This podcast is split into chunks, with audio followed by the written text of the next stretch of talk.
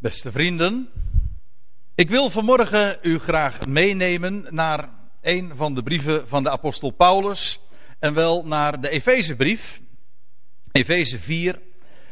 Vanaf vers 17 tot vers 32 willen we vanmorgen eens met elkaar bespreken, dat hele gedeelte. En in mijn Bijbeltje, in de MBG-vertaling, staat daarboven de nieuwe levenswandel. En ik denk dat daarmee heel goed is samengevat waar het inderdaad in dat gedeelte om gaat. En we lezen het gewoon vers voor vers en daar waar het enige toelichting behoeft, of waar ik dat graag wil geven, wel, dat uh, volgt dan vanzelf. Paulus begint met te zeggen in vers 17, dit zeg ik dan en betuig ik in de Heer. Als hij zegt in de Heer, dan heeft dat altijd in de Bijbel te maken met, met de wandel. En dan niet in de zin van iemand die de baas is en die ons eens al zal vertellen hoe wij zouden wandelen. Nee, het is, het is anders. De Heer, dat is degene die het over ons inderdaad voor het zeggen heeft. Degene die autoriteit heeft over ons leven. Degene die boven alles staat. Maar degene voor wiens rekening wij zijn.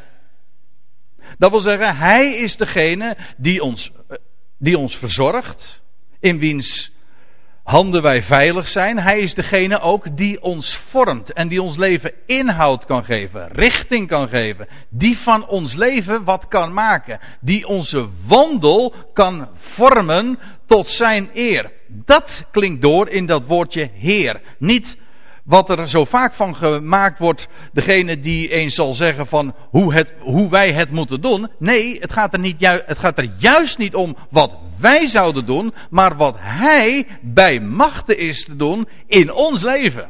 En dat is de wijze zoals Paulus dit dan inleidt. Dit zeg ik dan en betuig ik in de Here, voor wiens rekening wij zijn en degene die ons leven kan vormen tot een kunstwerk. Ja. En dan gaat hij verder en dan zegt hij dat gij niet langer moogt wandelen zoals ook de heidenen wandelen. En als ik dit lees, dan denk ik. Ai. Ja, waarom denk ik dat? Omdat ik inmiddels weet dat het er zo namelijk niet staat. Daar staat helemaal niet dat gij niet langer moogt wandelen zoals ook de heidenen wandelen. En daar komt in één zo'n woordje een, een suggestie in mee. Die zo haak staat op wat Paulus juist in deze brief, maar in zijn boodschap in het algemeen naar voren brengt. Namelijk, kijk, de suggestie is dat gij niet langer moogt wandelen. Betekent eigenlijk van, nou, de Heer is het, degene die jouw baas is, die zegt dat je dat niet mag doen. Je zou dat natuurlijk wel graag willen, maar het mag niet. Dat is, dat is de sfeer die in zo'n zo'n statement, in zo'n zo'n vers dan meekomt. Dat, zelfs al ben je er niet eens van bewust, als je dat leest, dan is dat toch in elk geval de gevoelswaarde die in zo'n woord uh, meekomt. Maar het staat er helemaal niet zo. En weet u wat nou zo leuk is? Ik vind het echt leuk. Want in de Statenvertaling staat het wel correct. Dat wil zeggen, in die hele ouderwetse vertaling, daar staat, ik zeg dan dit en betuig het in de Heer dat gij niet meer wandelt gelijk als de andere heidenen wandelen. Daar staat het woordje mogen helemaal niet bij. We zullen trouwens in dit gedeelte nog diverse keren soortgelijke constructies tegenkomen. En iedere keer wijs ik er weer op, omdat ik dit namelijk, dit staat zo haaks op, op de boodschap van genade, op de, op de boodschap van een Heer die van ons leven wat maakt. Natuurlijk, het is logisch dat als je Hem kent, dat Hij inderdaad wat van je leven gaat maken en dat onze wandel anders wordt. Maar niet in de zin van, dat het eigenlijk wel heel erg aantrekkelijk is om nog wel te wandelen zoals de heidenen wandelen. Nee, juist niet. Trouwens, dat zal vanzelf nog wel volgen. Het woordje mogen staat er niet. Ik vind het trouwens uh, wel grappig dat, dat juist de oudere vertaling, de, en ik doel nu op de Statenvertaling, die is daarin veel vrijer dan de moderne vertalingen. Weet u dat? Dat geldt al als je voor de vergelijking Statenvertaling en NBG-vertaling.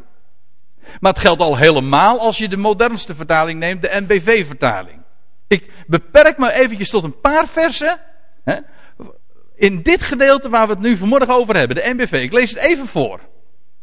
Doe het gewoon zeer aan je oren hoor, als je eenmaal weet hoe het zit. En ik zal er vanzelf straks nog wel op wijzen. Maar in de NBV, daar staat de NBV-vertaling en ik, en ik lees hem aan tafel uh, tegenwoordig ook altijd voor. En het is een, een prima Nederlands, begrijpelijk allemaal. Maar soms denk ik, oh, oh, oh, vreselijk.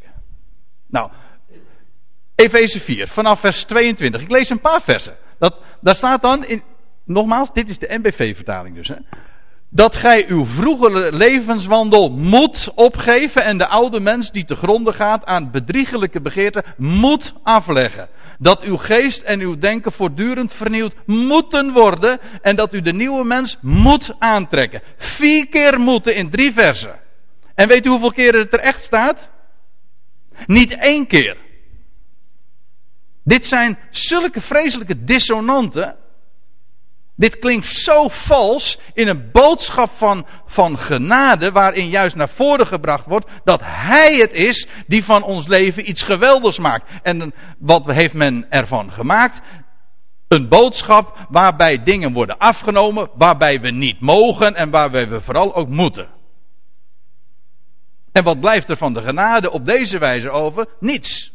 Het is, de, het, het is het accent dat gelegd wordt op de mens in plaats van op hem. Wat hij bij machten is te doen in ons leven. En ik attendeer er graag even op. En dan vind ik het toch wel weer heel erg mooi. Dat juist die oudere vertalingen die de, reputatie hebben zo zwaar te zijn. In werkelijkheid een, wel een blijde boodschap doorgeven. En de moderne verlichte vertalingen in werkelijkheid zo wettisch als de pest zijn. Ja, dat woord durf ik in dit verband wel te gebruiken. Goed, nou, uh, ik, waarvan akte, ik heb erop gewezen. Uh, er gaat dus over die, uh, ik moet het eventjes goed lezen, dat gij, niet langer, dat gij dus niet langer wandelt zoals ook de heidenen wandelen. Dat wil zeggen die andere heidenen, hè, de, de, de natieën om ons heen, de, de, de volkeren. Eigenlijk is het woordje heiden betekent gewoon de niet-joden. Dat zijn we dus allemaal. Dat wil zeggen de meeste van ons. Hoe wandelen die namelijk? Nou, in de ijdelheid van hun denken. Dat wil zeggen, hun denken is leeg. Er staat niet bij dat ze niet intelligent zijn. Daar ontbreekt het niet aan. Maar het punt is, het is ijdel, het is leeg. Men weet niet, men heeft niet het goede uitgangspunt. Want u weet toch hoe het is, hè? Het beginsel van alle wijsheid is de vrezen des Heren. Het kennen van Hem. Daar begint wijsheid. Als je dat uitgangspunt niet hebt, dan is je denken, hoe intelligent ook, per definitie ijdel, leeg. Als het uitgangspunt niet klopt, dat is met de, met de wiskundesom ook het geval. Je kunt heel goed wiskunde doen en je kunt de, alle regels die erop toegepast moeten worden op een bepaalde som, kun je allemaal correct doen. Maar als het uitgangspunt niet klopt, als, je, als het cijfer waar je mee begint al niet uh, correct is, wel, dan loopt het op niks uit. In de ijdelheid van het, van het denken. dat is de wereld. De wereld die God niet kent. Misschien wel goden kent. Of een God kent. Maar God als God. Degene die alles plaatst. Die alles bedacht heeft. Ik heb, ik heb juist van de week, was afgelopen vrijdag, ik een gesprek met een collega nog. Zij geloofde alleen maar in zichzelf. Ik zei, nou, dan ben je te feliciteren, zeg. Dat was trouwens, het was een heel erg leuk gesprek en ze moest daar niks. Uh, ze, ze moest, uh, dat bleek wel van geloof in God eigenlijk niks hebben, maar we hadden toch, toch een heel leuk gesprek. En ze had in ieder geval wel in de gaten dat het toch wel een heel groot verschil is of er, of er iemand is die ons bedacht heeft, die een bedoeling heeft met deze wereld, die bij wie het allemaal in goede handen is. En ze kon inderdaad toch uh, moeilijk ontkennen dat deze hele wereld toch wel een, een, tot in de kleinste details. En hoe meer kennis je ervan neemt van de details, hoe, hoe, hoe meer je onder de indruk raakt van, van de complexiteit en de intelligentie, het design dat erachter zit. Er is zo goed over alles nagedacht. Nou, dat kon zij ook niet ontkennen. En toch, ja. Ja, dan moet je er dus van uitgaan dat er iemand dat er iemand is die er over inderdaad over nagedacht heeft. Dat er een ontwerper is, dat er een schepper is. Maar als je dat dus niet hebt, dan is je denken dus, dus leeg. Ook zin, het hele leven is zinloos, gaf ze trouwens ook toe. Zat er toch wel zin in? Hè? Dat, dat, is dan, dat is het enige wat dan nog overblijft. Als het leven dan zinloos is, nou dan moet je zorgen dat je er een beetje zin in houdt. Of krijgt. Maar het leven is zinloos. Het leidt nergens toe. Het is allemaal het grote gevolg van, uh, van een, gigantische oerknal zoveel miljard jaar geleden. En dat is allemaal zo gegaan. Maar het is zinloos. Nou, dat is de ijdelheid van denken. Dat, dat, is, dat is gewoon de wereld uh, om ons heen. Verduisterd in uw verstand. In hun verstand staat er. Ja, dat is eigenlijk een vervolg op het, eh, op het eerste. Ijdel denken, verduisterd in het verstand. Dat wil zeggen dat verstand is niet verlicht, het is donker. En ook nog koud. En u weet hoe het gaat, hè? Als, je in de, als je in de duisternis of in de mist ronddolt, weet je wat er gebeurt? Je raakt je oriëntatie kwijt, je hebt geen lichtbron, geen lichtoriëntatie. En wat er gebeurt altijd, iemand die in duister of in de mist rondloopt, die gaat rondjes draaien. Dat leidt tot niks. Je denkt ergens naartoe te gaan, maar omdat je totaal geen oriëntatie hebt, blijkt je in de praktijk rondjes te gaan draaien. Over ijdelheid gesproken. Nou, dat komt als je niet weet waar je begint, eh, waar het allemaal begonnen is en waar het, waar het naartoe gaat, en dat er iemand is die het allemaal bedacht heeft, ja, dan ben je dus verduisterd in je denken. En dan is het koud en eenzaam ook nog. Vervreemd van het leven van God. Van het goddelijke, van het leven dat God geeft. Het leven dat je hebt wanneer je Hem wel kent, dan heb je echt een leven. Maar daar zijn ze van vervreemd. Van dat goddelijke leven. Of vanwege de onwetendheid. Hier staat het woordje agnost. Ja, ja, waar ons woordje agnosticisme of een agnost is van afgeleid. Ze zijn onwetend de onwetendheid heerst in hen. Vanwege ook de verharding van hun hart. Dat wil zeggen, een mens wendt daar namelijk ook aan en sluit zich daar ook voor af. En dan wordt het hart. Ja, het hart uh, met een D en, een T bij elkaar, zeg maar. Eh, het, het hart wordt hard. En zij hebben zich, staat er dan, uh, in hun verdoving overgegeven aan de losbandigheid om gretig winst te slaan uit allerlei onreinheid. Dit is het gedrag dat daaruit voortvloeit. Het voorgaande vers sprak over, over de binnenkant, over het denken. Over de ijdelheid van het, verdenk, van denken, over het verduisterde verstand, vervreemd van het leven van God. En hoe stond het er nog meer? Uh, oh ja, en de verharding van het hart. Het gaat allemaal over de binnenkant. Maar het is logisch dat die binnenkant, als die binnenkant er zo uitziet, als dat, als dat, de, als dat de vaststelling is, dan heeft dat zo zijn consequenties op je, op je gedrag. Op, als je duister bent in je denken, dan is het logisch dat je vervolgens ook in duistere praktijken je gaat verliezen. Het een is het logische gevolg van het ander. Zij immers, zij hebben zich in hun verdoving overgegeven aan losbandigheid, aan om gretig winst te slaan uit allerlei, staat letterlijk uit alle onreinheid. Want dat kan hoor. Je kan overal, want daar hadden we trouwens de vorige keer over. De, over, over eh, een wortel van alle kwaad is de geldzucht. Toch? Daar hadden we het over uh, naar aanleiding van 1 Timotheus 6. Maar een mens weet overal winst uit te slaan. Nou ja, het valt niet altijd mee in deze, deze barre tijden natuurlijk. Maar de mens is erop uit. En hij is bovendien nog heel erg vindingrijk, staat er in Romeinen 1. Vindingrijk, heel creatief in het bedenken van allemaal kwaad. Je, je, staat, je staat er soms echt van te kijken hoe een mens dat allemaal weer voor elkaar weet te krijgen. Ik ben van de week. Eh, ik, zit even te aarzelen, maar het komt me zo ter plekke op. Uh, ik, ik, heb een website, zoals eh, de meesten van u wel zullen weten, goedbericht.nl. En uh, die was van de week gehackt door, uh, door hele knappe mensen, dat moet wel, uh, vanuit de Oekraïne. En die hebben er allerlei troep, allerlei onreinheid ja, opgezet, ja, op mijn zij. En hoe ze er binnengekomen zijn in mijn zij, weet ik niet, want ik heb een heel ingewikkeld wachtwoord. Maar ze zijn er binnengekomen. Ja. En um, dus aan intelligentie ontbreekt het niet, maar het is gewoon duister natuurlijk van binnen. En ja, wat ze dan vervolgens doen is, want het gaat uiteindelijk natuurlijk om geld. Maar al die dingen zijn aan elkaar gekoppeld. Maar dat is, dat is het gevolg ervan. De mens is, eh, is daar zeer vindingrijk in. Het is overigens allemaal goed gekomen. Maar dat mag je maar met een goed bericht ook verwachten.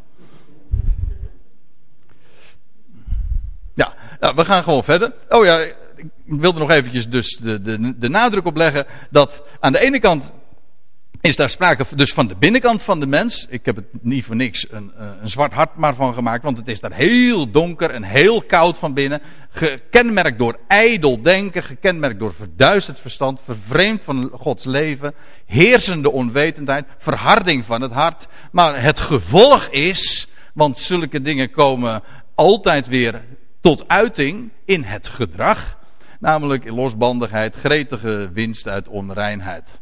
We gaan verder. Dan schrijft Paulus, maar gij geheel anders. Gij hebt Christus leren kennen. In de Statenvertaling staat het iets letterlijker. Doch gij hebt Christus al zo niet geleerd. Het gaat om het grote contrast. Kijk, het punt is, de wandel van, van, van de wereld in het algemeen wordt gekenmerkt door onwetendheid. Men is niet bekend met God. Maar Paulus wijst deze Efeziërs erop, in de, het is de Efezebrief, Paulus wijst zijn lezers erop dat zij een heel ander leven kennen. Zij hebben namelijk Christus leren kennen. Het gaat hier over iemand. En wie is Christus? Dat is degene die opstond uit de dood en de grote overwinnaar is. En de levensvorst, degene die een hele nieuwe mensheid aan het licht brengt. Of laat ik het anders zeggen, een nieuwe, die een nieuwe mensheid aanvoert. Hij is de eersteling van een hele nieuwe mensheid. Ik kom daar straks nog even op terug. Maar Paulus wijst dus even op het contrast tussen de onwetendheid en de, uh, en de ijdelheid van het denken van de wereld in het algemeen. Tegenover het leren kennen van hem, de levensvorst, degene die de dood heeft overwonnen. En dat heeft allemaal weer te maken met het feit dat we een God kennen. En dat maakt het hele verschil. Vers 21, want we gaan er uh, gewoon toch wat, uh, wat snel doorheen. Ik kan niet uh, op elk vers al te lang bij stil blijven staan. Gij toch, staat er, gij hebt van hem gehoord en zijt in hem onderwezen, gelijk dit de waarheid is in Jezus. Het staat er eigenlijk iets letterlijk, iets beter nog, iets mooier. Want dat woordje van, ik heb het expres eventjes tussen haakjes gezet, vierkante haakjes, want dat woordje van, dat staat er niet. En als je, gij, gij toch hebt van hem gehoord. Nee, het is niet zo van gij hebt over hem gehoord. Nee, gij hebt hem gehoord. Je hebt niet over hem gehoord of van hem gehoord. Nee, je hebt hem zelf gehoord. Je hebt zijn woord gehoord en zijn woord is, heeft jou in aanraking gebracht met hemzelf. Door dat woord van hem heb je hem zelf leren kennen. Het is zijn woord. Dat is nog mooier dus. Het is veel, veel directer. Gij toch hebt hem gehoord. Ik, ik, laat het er gewoon even. Je krijgt een prima zin hoor, als je het woordje gewoon weglaat. Dus ik zou niet weten waarom je dat woordje van er tussen zou moeten plaatsen. Gij hebt toch hem gehoord en zijt in hem onderwezen. Gelijk dit, ook dat woordje dit staat er niet, gelijk de waarheid is in Jezus. Dat wil zeggen, die persoon. Het gaat over iemand. Wat Paulus predikte en wat het evangelie inhoudt, dat is niet een systeem, dat is niet een filosofie, dat is ook niet een godsdienst, dat is iemand.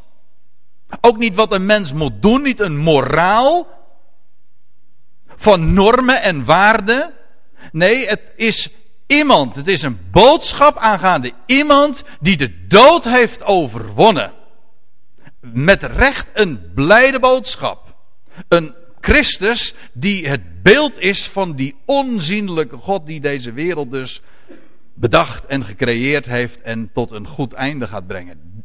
Dat is de boodschap die Paulus gebracht had daar in de heidenwereld. Werkelijk een, een blijde boodschap. Gij hebt, hem gehoord en zijt in hem onderwezen. Gelijk de waarheid in, is in Jezus, in iemand.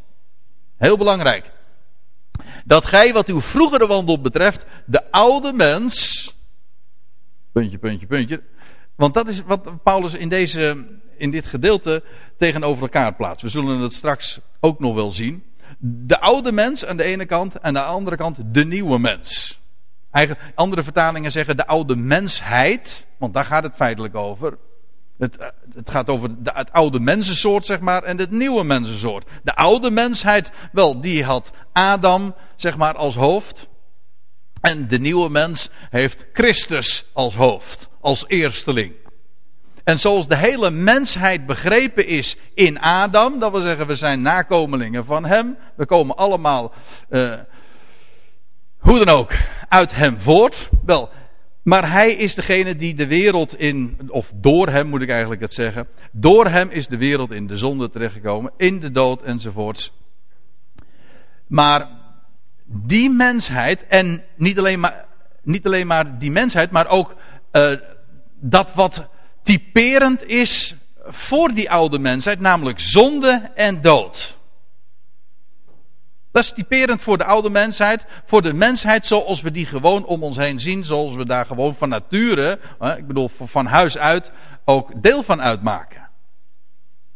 Die mensheid wordt gekenmerkt inderdaad door zonde en alles wat daar ook weer het gevolg van is. Het doel missen. En dat leidt uiteindelijk gewoon tot de dood. Stervelingen. We zijn zondaren en we zijn stervelingen. Dat is de oude mens met alle kenmerken, uiterlijke kenmerken, die daar dan ook weer bij horen. En daartegenover staat Christus. De eersteling, degene die uit het, die, die het graf leeg achterliet, definitief. En hij is de garantie dat de hele mensheid ook besloten wordt in hem. Zoals Adam de hele mensheid meenam in zonde en dood, zo is Christus degene die de hele mensheid, de nieuwe mens inluidt en leven gaat geven, rechtvaardiging en die de mensheid zal gaan maken wat God ook inderdaad op het oog had met de mensheid. En hij zal realiseren dat wat God van plan was. Want Gods plannen, weet u, falen nooit. Kijk, en dat maakt nou precies het hele verschil. Hè? Dus, nou, we lezen even verder. Dat gij wat uw vroegere wandel betreft, de oude mens of de oude mensheid, dus hier, dat hele de, de Adamitische mens zal ik maar zeggen, dat gij wat uw uh, vroegere wandel betreft, de oude mens aflegt, die ten verderven gaat naar zijn misleidende begeerte. Het gaat hier, het is heel grappig dat Paulus dat doet. Hij doet het in deze brief, hij doet het in de Colossense brief ook, dat hij uh, eigenlijk het gedrag van de mens vergelijkt met een, met een kleed of met een jasje of ja, iets, een kledingstuk dat je kan uittrekken. En gedrag vergelijkt hij inderdaad met een kledingstuk. Dat is helemaal niet zo gek, want gedrag is precies dat, de wandel. Hè? Dat is dat wat mensen van je kunnen zien. U zegt het is maar het uiterlijk. Ja, oké, het is het uiterlijk. En dat is uh, ook de manier zoals Paulus daar uh, tegenaan kijkt. Uh, hij spreekt over het afleggen van, van die oude mens. Dat is, dat is het gedrag namelijk van de oude mens. En dan heeft hij het niet over, uh, over dingen die je moet proberen. Of uh, hij zegt dat gij pr probeert de oude mens af te leggen. Of dat je dan in therapie moet, gedragstherapie moet gaan. Nee, gedrag is. Die oude mens die heeft bepaalde gedragingen. Hij zegt nou trek dat nou uit. Je bent een nieuwe mens. Trek gewoon dan dat gedrag aan wat daarbij past. Dat is eigenlijk ook uh, wat, wat in, in deze hoofdstukken naar voren gebracht wordt. Dat, je, dat we waardig zouden wandelen de roeping waarmee we geroepen zijn. Dat wil zeggen dat ons leven, onze wandel, ons gedrag, uh, ons uiterlijk zeg maar. Dat kleed, dat wat gezien wordt, dat dat in overeenstemming is met wie we zijn. We zijn nieuwe mensen en dat we dan ook inderdaad leven als nieuwe mensen. Dus die oude mens aflegt die ten verderven gaat. En dat gij verjongd wordt door de geest van uw denken. Kijk, zo gaat dat. Dat gaat door. Dat is een proces van denken. Ja, ja, ik wou zeggen, hij stopt toch een keer. Maar...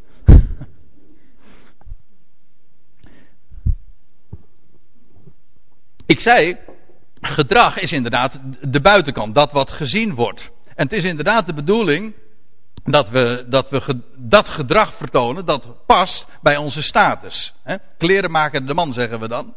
Dat is ook zo. En dat, dat uh, Paulus spreekt dus over het afleggen van die, van, van die, die, oude, van die oude mens. Het gedrag wat daarbij past. Want we zijn nieuwe mensen. Anders, dat matcht anders niet, hè? zo heet dat. En, maar hoe, hoe komt dat? Dat is niet een kwestie van je gaan toeleggen op gedragingen. Integendeel, dat heeft te maken met je denken. Dat ons denken verandert.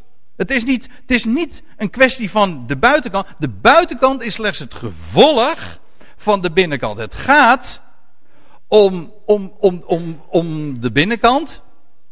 En hoe word je verjongd door je denken? Paulus spreekt erover in Romeinen 12. Dat, gij, uh, dat we niet gelijkvormig zouden zijn. Staat er aan, aan deze aion. Maar dat ge hervormd wordt. Getransformeerd wordt. Een metamorfose ondergaan. Door de vernieuwing van je denken. Wij kijken anders.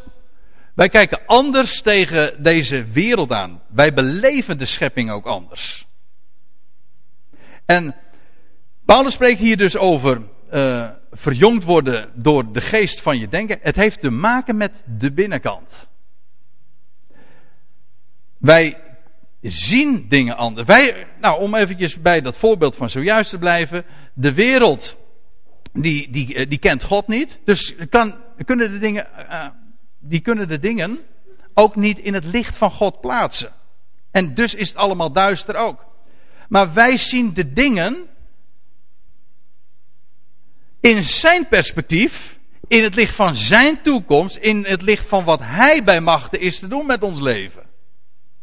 En dat is, geeft een totaal ander denkproces. Daardoor zien we dingen anders, daardoor zien we de dingen sowieso ook zitten. Er is, bestaan geen onmogelijkheden. Want we kennen namelijk een God voor wie niets onmogelijk is. En er is geen onderwerp wat niet verandert, juist wanneer je het plaatst in het perspectief van God. En het kennen van Hem. En in het licht van het woord plaatst. En dat geeft die verjonging van het denken. Dat geeft verjongd wordt door de geest van uw denken.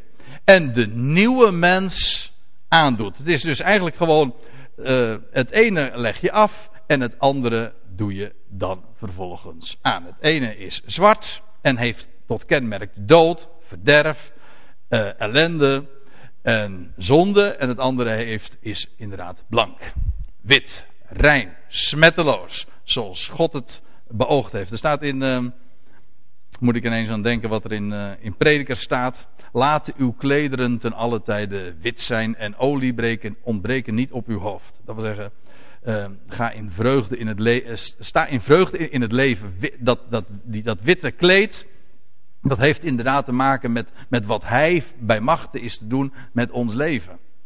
Stralend wit te maken. Dat is de nieuwe mens aandoen.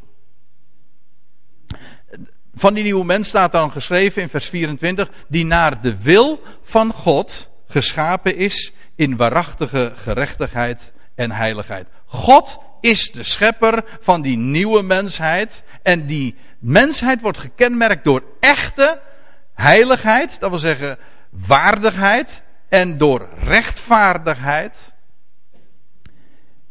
En staat er dan vers eh, 25, leg daarom, zo, eh, zo eh, schrijft Paulus dat, leg daarom de leugen af en spreek waarheid. Ieder met zijn naaste, omdat wij leden zijn van elkaar. Kijk, de wereld wordt ook gekenmerkt door liegen. Een van die, ken, een van de, van die kenmerken zeg maar, van dat zwarte jasje, van, de, van dat kleed, dat is inderdaad leugen. We hadden, we hadden al een paar andere kenmerken. Er volgen ook nog een paar kenmerken, maar één van de kenmerken van de wereld is leugen. Toch? De. Hoe was het ook alweer? Wat regeert in deze wereld? De leugen, ja. De leugen regeert. Alles wordt verdraaid, want dat is namelijk wat leugen is. Leugen betekent meestal niet dat niets ervan waar is, maar dat de waarheid verdraaid wordt. Een kwartslag of een halve of nog meer uh, vervormd wordt. Waardoor je inderdaad een vervorming krijgt van, uh, van, van het beeld, van de waarheid. En dat is wat leugen is. Paulus zegt, leg daarom de leugen af, spreek waarheid. Ieder met zijn naaste, omdat we leden zijn van elkaar. In ieder geval onderling. Maar sowieso natuurlijk. Het gaat hier over het onderlinge gedrag, hè, de onderlinge omgang. want wij zijn naasten van elkaar. We zijn, dat is wat, wat, wat in deze brief ook naar voren gebracht wordt. We zijn, maken deel uit van, van Gods gemeente. Dat uitroepsel dat Hij in onze dagen bij elkaar verzamelt. En daardoor staan wij elkaar zo na. En daarom zijn wij elkaars naasten. Dat is wat naaste ook betekent. Een naaste is, betekent in de Bijbel niet alle al je medemensen, al die miljarden mensen zijn niet je naaste. Nee, te midden van al die mensen zijn er mensen die je het meest nastaan. Dat is de naaste, degene die naast je staat. Nou, dat zijn inderdaad onze broeders en zusters. Dat zijn inderdaad degenen die deel uitmaken van dat lichaam van Christus. Dat zijn onze naasten. Dat we in ieder geval ook met elkaar in waarheid zouden spreken. Ja. Eh, geraakt, eh, dat, geraakt ga je in toren? Dat kan. Dat kan, eh, dat kan zelfs ook heel erg nodig zijn. Maar staat er, zondigt dan niet, dat wil zeggen, mis daarbij niet het doel. De zon mag niet over een opwelling van uw toren ondergaan. Heb je hem weer? Ja, sorry, ik wijs er weer op, want ook hier staat het niet. Eh, het is net alsof hier in, in doorklinkt van, ja, dat zou je natuurlijk wel graag willen, maar het mag lekker niet. Nee, het is juist zonde. Het mist doel. Daarom zou je het niet doen. Niet omdat het niet mag, maar omdat het zonde is. Maar zelfs dat woordje zonde begrijpen we ook al helemaal niet meer. Bij zonde denken we namelijk ook weer meteen van dat het niet mag. En de wereld weet wat zonde. De wereld weet veel beter wat zonde is. De wereld weet gewoon, die denkt bij zonde aan van. Jammer, dat is doel, dat is, het doel is gemist. Dat is precies wat, doel, wat zonde namelijk ook is. Alleen, je moet een kerkmens zijn om bij zonde te denken aan iets wat niet mag. Maar dat betekent zonde helemaal niet. Zonde betekent dat het doel mist. Nou, het zonde, eh, of toorn mist doel op het moment dat het inderdaad niet ophoudt. De zon, maar, wat, weet u hoe het er echt staat? In de Statenvertaling staat ook hier weer correct. De zon gaat niet onder over uw toornigheid. Het zou maat hebben. Dat je verbolgen bent, dat je boos over dingen bent, dat kan gebeuren. En dat kan zeer gepast zijn. Er is niks mis mee. Alleen staat er hierbij van de zon zou niet ondergaan over uw toornigheid. Van God lees je ook, hè? Van God lees je ook dat hij bij gelegenheid toornt. En dat kan zelfs brandende toorn zijn. Maar hoe staat het in Psalm 30? Een ogenblik duurt zijn toorn. Maar een leven lang zijn goede tierenheid. Ook hier, hierin zie je iets gereflecteerd van Gods karakter. En daarmee ook het karakter van de nieuwe mens. En staat er dan nog bij, en geeft de duivel geen voet. Want u weet, dat vertelde mijn moeder vroeger mij altijd al. Kwaad worden is menselijk. En daar is ook helemaal niks mis mee. Maar kwaad blijven is duivels. Dus als u ooit hoort over een leer van eindeloze toren. Dan weet u waar, uit welke koker dat komt.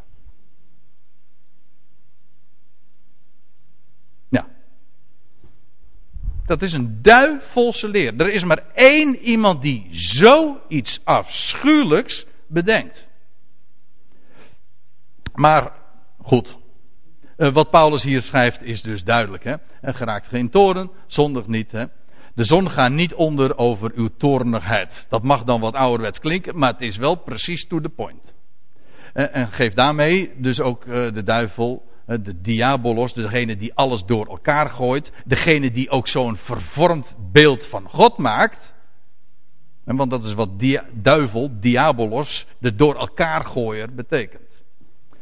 Uh, wie een dief was, die stelen niet meer. Er staat in het Grieks het woordje kleptomaan. En dan zou je zeggen van, nou ja, want daar wordt uh, natuurlijk...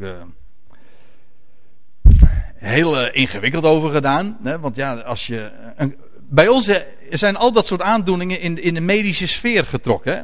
Kleptomanie is een afwijking, is eigenlijk een. Um, Ja, een ziekte, een ja, kleptomanie. En dan moet je, als je, als je aan kleptomanie leidt, dan moet je een, een, een therapie ondergaan, een gedragstherapie, om daarvan af te komen.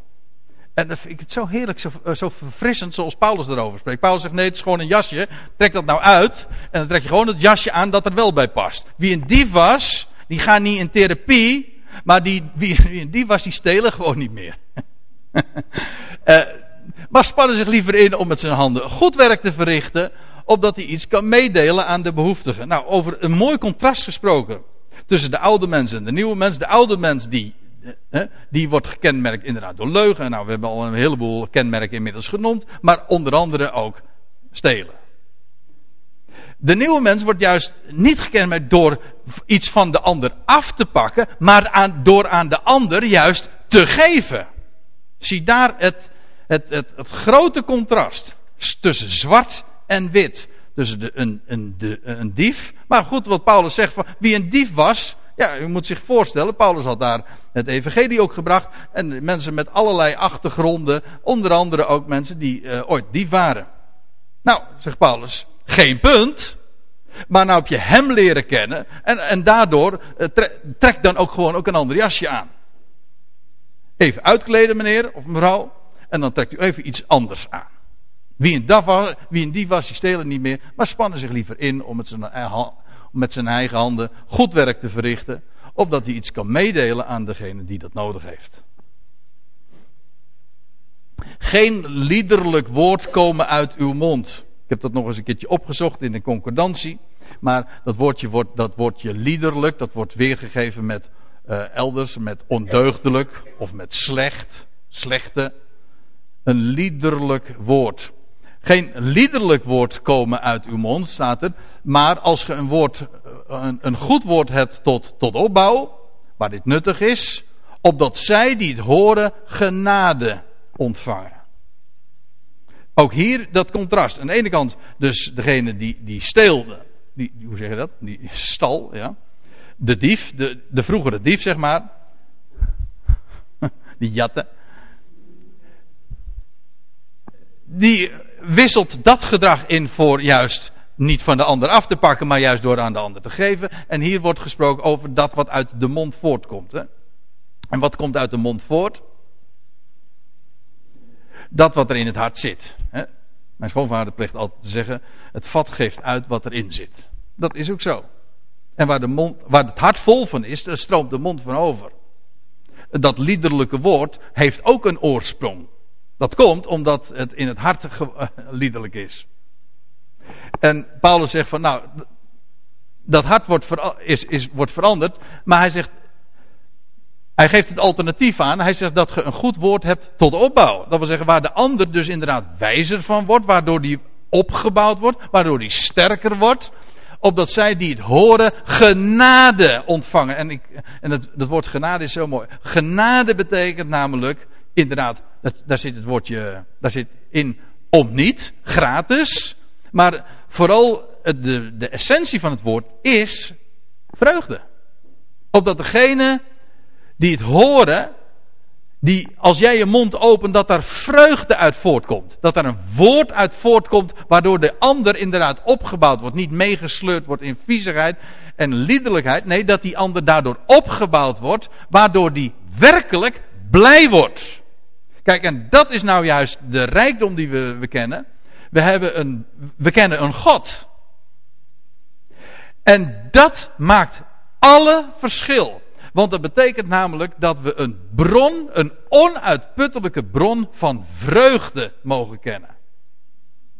En als je je mond opent, dat je daarvan mag spreken. Van die vreugde mag uitdelen. En we hebben geen woord van wet voor deze wereld. We vertellen de, de, de, mensen niet wat ze moeten doen. We vertellen wat God gedaan heeft en wat Hij gaat doen. En wat Hij bij machten is te doen in ons leven en door ons leven. Kijk, dat maakt blij. Een woord van genade, blijdschap. Dat dat uit de mond zou voortkomen. Uiteraard moet je dan die, dat woord van blijdschap en van genade ook kennen. Dat is waar. Maar als je het kent, hou Hou het dan ook niet voor je. Vertel het dan ook gewoon. Want er is zoveel duisternis in deze wereld.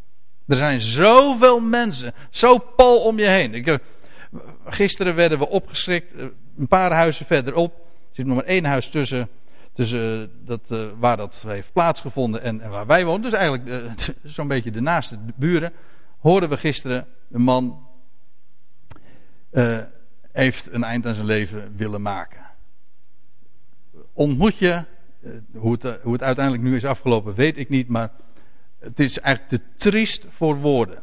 En dan denk je, eh, het is een man, ik, nou ik sprak hem maar eigenlijk heel weinig, maakte altijd een hele sombere indruk, maar dan denk je van, ja wat, wat kun je als mens hè? Maar toch, denk ik bij me, nu als ik nu terugkijk, denk ik van ja, hij maakt altijd al een hele sombere indruk. En ja, kende, kende geen vreugde. Het, ik moet zeggen, de, de somberheid droop ook van, van, van het gezicht af. En er zijn zoveel mensen. Als je namelijk daar eventjes over doordenkt. Er zijn zoveel mensen die echt in duisternis wandelen, die het niet zien zitten. Hoeveel tragiek gaat er niet achter schuil voordat een mens tot zo'n daad komt? Zo vreselijk. En dat, dat zijn de mensen in je straat. Dat zijn de mensen op je werk. Er zijn zoveel mensen die het inderdaad niet zien zitten. Die, die echt in. Want we praten hier niet over theoretische dingen, maar gewoon over. Gewoon de realiteit. Mensen die echt in duisternis leven. Die daar ook niet mee verder kunnen. Letterlijk niet mee verder kunnen. Die daar op stuk lopen, op dood lopen, met recht. Zo afschuwelijk. En daarom denk ik uh, als we een woord hebben van opbouw, een woord van genade, spreek het ook uit. Het is, er zijn zoveel mensen die behoeftig daaraan zijn. En je kunt natuurlijk gewoon altijd de leuke praatjes hebben met mensen. En ik bedoel, daar, uh, ik bedoel gewoon zoals ik het zeg. Maar uiteindelijk zitten de mensen daar niet op te wachten hoor. Op, en zeker niet op een liederlijk woord maar een woord inderdaad van opbouw. Een woord waardoor mensen verlicht worden, waardoor mensen vreugde leren kennen. En als je die bron van vreugde kent, spreek erover, want de wereld schreeuwt erom. Dat zo is het. Goed. En bedroefd staat er dan nog. Um, bedroeft de Heilige Geest Gods niet, door wie gij verzegeld zijt tegen de dag van verlossing. Ik zou daar graag nog wat meer over willen zeggen, maar ik moet nog wat verder. Het enige wat ik er even over kwijt wil, we zijn inderdaad op het moment, daar schrijft Paulus over in Efeze 1, op het moment dat we tot geloof gekomen zijn, het evangelie van onze, van onze behoudenis hebben leren kennen, de behouder van deze wereld hebben leren kennen, worden we verzegeld met zijn geest. Een zegel die ook nooit meer verbroken kan worden. Maar die, wij zijn verzegeld met die geest. En die geest die kan ons leven inderdaad transformeren. Wij bedroeven hem. Weet u wanneer? Wanneer we zelf aan het werk gaan. Wanneer we denken dat we het zelf allemaal kunnen. Het gaat er juist om dat we ons afhankelijk stellen van hem. Dat hij zijn vrucht in ons kan laten groeien. Hij is degene die ons kan veranderen. En wanneer we het zelf doen, bedroeven we die, die geest Gods door wie gij verzegeld zijt. Die dag van verlossing die gaat namelijk komen, hoe dan ook. En tot die tijd zijn wij inderdaad veilig gesteld, zijn wij verzegeld. Hebben het stempel van God zelf. En alle bitterheid, gramschap, toren, getier, gevloek worden uit uw midden gebannen, evenals alle kwaadaardigheid. Ja, maar ook hier wijs ik er weer op. Het is volgens mij al de vijfde of de zesde keer nu dat ik dat in dit korte stukje, dat ik u daarop attendeer. Maar ook hier staat het weer anders. Er staat, laat niet worden gebannen. Het is niet iets wat wij doen. Nee, het, er staat letterlijk in de passieve vorm. In de, in, in, in de grammaticaal staat dit, is dit een passieve vorm. Laat het weggenomen worden. Het is niet de strijd aangaan tegen bitterheid, gramschap, toorn, getier en gevloek. Het is niet een strijd aangaan tegen duisternis. Zo werkt het niet. Je kan een heleboel kabaal maken tegen een. Als je, je komt in een duistere kamer en dan kun je dan zeggen van nou, we gaan eerst even die duisternis verdrijven. Nou, dat kan je zeggen hoor. Maar hoe werkt dat? Gewoon de knop om. Het licht laten schijnen en dan zal de duisternis uh, verdreven worden. En dat is wat hier ook staat. Het staat hier in een passieve vorm. De, de, de bitterheid, gramschap, uh, als ik me niet vergis, nee. Ik dacht dat ik de Statenvertaling er ook nog wat bij had gegeven, uh, bij had vermeld. Maar ik meen dat er staat in de Statenvertaling, ik citeer nu even uit het hoofd, de worden geweerd. Hè? Wie kan mij helpen?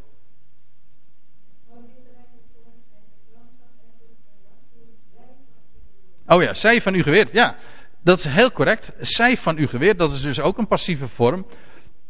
Dat is ook goed, goed weergegeven. Het gaat er namelijk om dat deze dingen, hè, bitterheid, gramschap, toorn, getier, gevloek, allemaal van die kenmerken van de oude mensheid. Wel, dat dat inderdaad niet de stijl van leven is die wij kennen. Wij kennen leven en wij leven daarom ook werkelijk de nieuwe mens. En als wij inderdaad verjongd worden in ons denken, als wij dat licht van Hem laten schijnen, dan zal de duisternis inderdaad verdreven worden. Niet omdat wij ons best doen om die duisternis te verdrijven. Dat is gewoon het automatische gevolg van het licht dat in ons hart schijnt en daarom ook vanuit ons hart schijnt. Want licht laat ik het anders zeggen, licht dat in de ogen komt, dat komt ook weer uit de ogen.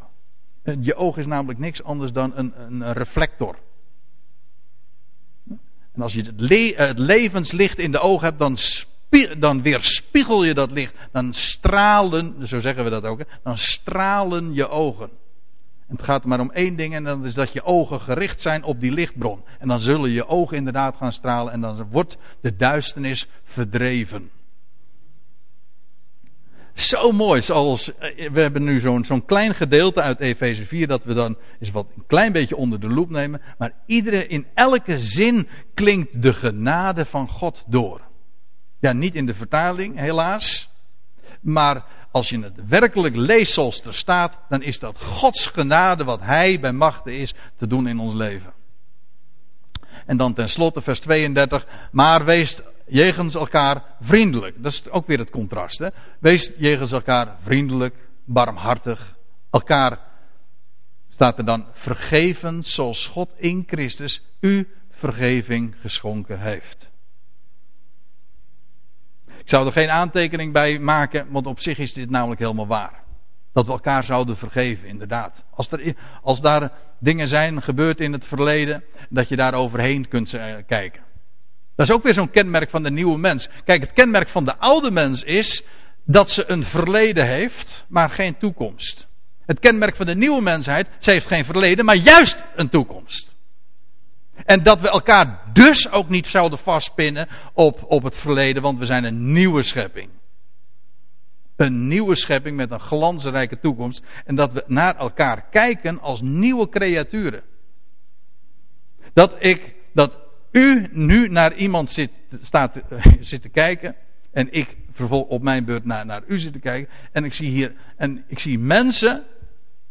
Die nieuwe creaturen van, waarvan ik weet dat God dat perfect gaat maken. En zo zien we elkaar als nieuwe scheppingen die volmaakt zijn in Christus. Dan is er, valt er dus helemaal niets om de ander kwalijk te nemen. Want we zijn allemaal nieuwe scheppingen, zijn volmaakt in Hem. En dat, zo ziet God ons. Zien wij elkaar ook zo? Zie je jezelf trouwens ook zo? Als volmaakt in Hem? Ja, ik stel het maar als vraag. Kijk, en dat is nou die verjonging van je denken. Gewoon dat je denken inderdaad getransformeerd wordt. Maar ik zal u vertellen dat als je zo gaat denken, krijg je een compleet ander leven. Je ziet een hele andere wereld dan iedereen om je heen. En mensen zeggen van, weet jij dan niet wat die ander gedaan heeft? Ze zeggen, nee, uh, maakt dat uit? Speelt geen rol. Kijk, dat is een heel ander denken en daarmee ook een heel ander leven, een heel ander gedrag. Want, dat want je zult dan, als je anders gaat denken, dan zul je ook vanzelf, vanzelf, dat is een automatisme, dat, dat oude jasje afleggen. Want dat past namelijk niet. Voor geen meter. Goed.